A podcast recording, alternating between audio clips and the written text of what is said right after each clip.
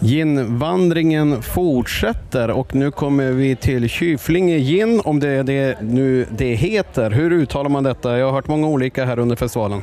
Ja, vi har också hört många olika. Kyfflinge gin är det. Okej, då gör vi om det här så det låter på riktigt istället. Ja, vi vandrar vidare här på ginfestivalen och nu kommer vi till Kyfflinge gin och säger hej. Hejsan! Vad heter du och vad gör du på Kyfflinge gin? Jag heter Jimmy Brander och jag är delägare och grundare av Kyfflinge Gin. Tillsammans med min kollega som står där bakom, Per Bornstrand. Vad trevligt, vad trevligt. Och eh, berätta lite grann om Kyfflinge. Vad har ni för bakgrund? Vad är det för ställe? Vi ligger, ja, det är en lite brokig bakgrund. Jag och Per vi kommer från norra Halland. Vi bor nere i Skåne båda två. Vi höll på att starta upp Kyfflinge Gin i en liten ort som heter Kävlinge. Då hittade vi ett gammalt ortsnamn, som eh, en, gammal, en gammal socken som heter Kyfflinge. Sen blev det inte att vi startade upp i Kävlinge utan vi startade i Malmö där jag har bott i många, många år. Eh, då kunde vi inte släppa just namnet Kyfflinge. Så det, det borde kanske hetat Malmö Gin, jag vet inte. Men nu, nu blev det Kyfflinge. Vi har fått förklara det många gånger under dagarna. Ja. Ja, men det är ju lite, lite spännande namn måste man säga och li, lite så här drömskt och mystiskt för det är ingenting som man bara tar rakt upp och ner från geografilektionerna i skolan liksom. Nej, det är det verkligen inte. Lite whiskykänsla över det kanske. Jag håller helt med. Jag håller helt med. Men eh, om man inte har testat era produkter tidigare, vad är det vi ser, oss, eh, vad ser jag framför mig här? Du ser en eh, klassisk London Dry Gin som vi har 16 stycken botanicals i. Vissa är mer karaktäristiska än andra i den för, förstås. Vi använder kaffirlime, muskot, vi har svartpeppar som rundar av smaken med lite pepprighet. Eh, det är mycket citrus i den. Mycket enbär i den. Ja. ja, men skitbra. Det här är någonting som vi borde testa ju, absolut. Och eh, en annan fråga det är ju liksom varför just gin? Var, hur, hur kom det sig? Ja, det undrar jag också. Eh, det är en sån, en sån vanlig historia när man står och blandar drinkar hemma, cocktails.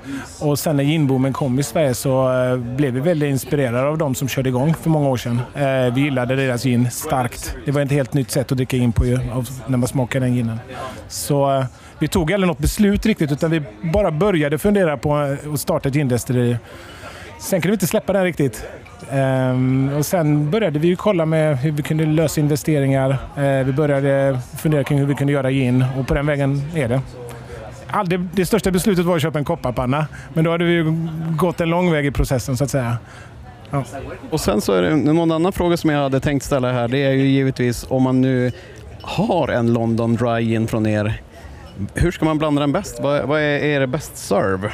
Ja, vi, det roliga är vi är ju så pass nya så vi letar ju fortfarande efter vår best serve. Men det vi kör här på festivalen det är en ganska neutral tonic till vår gin. Vi blandar den ganska stark. Vi kör en, eh, liten grapefruktskiva eh, och så har vi lite lavendelblomma i den också. Vi destillerar ju ginen på bland annat lavendel så det lyfter ju lite lavendelsmaken. Och vi har märkt att det är väldigt populärt. Många gillar det. Så det var kul. Kanske blir den. Ja, den får vi ta och testa Thomas. Ja, ja, du har redan kört igång här. ja, ja, ja, men det är snyggt. Eh, är det något annat som ni skulle vilja skicka med om Kyfflinge? Vad är det man ska tänka på? Är det, vad har ni med för planer? Hur länge har ni funnits egentligen? Vi har, alltså vi höll på ett par år innan vi släppte vår eh, London Dry. Vi släppte den 4 april på bolaget så vi är ju ganska nya. Vi har inte varit ute på marknaden alls länge. Så eh, det man ska tänka på är faktiskt att eh, smaka den och se om man gillar den. För er som inte ser den nu eftersom det här är en podd så är det ju nämligen så att det är en svinsnygg etikett också. Är det någon speciell tanke bakom? Är det någonting som ni gör själva eller har ni samarbeten? Eller vad är bakgrunden till just varumärket? Där? Ja, vi har gjort, eh, Per är ju industridesigner i botten. Han är inte grafiker, men han kan lite det. Och vi har gjort allt helt själva. Eh, tanken är ju, ja, vi har ju en gås i loggan.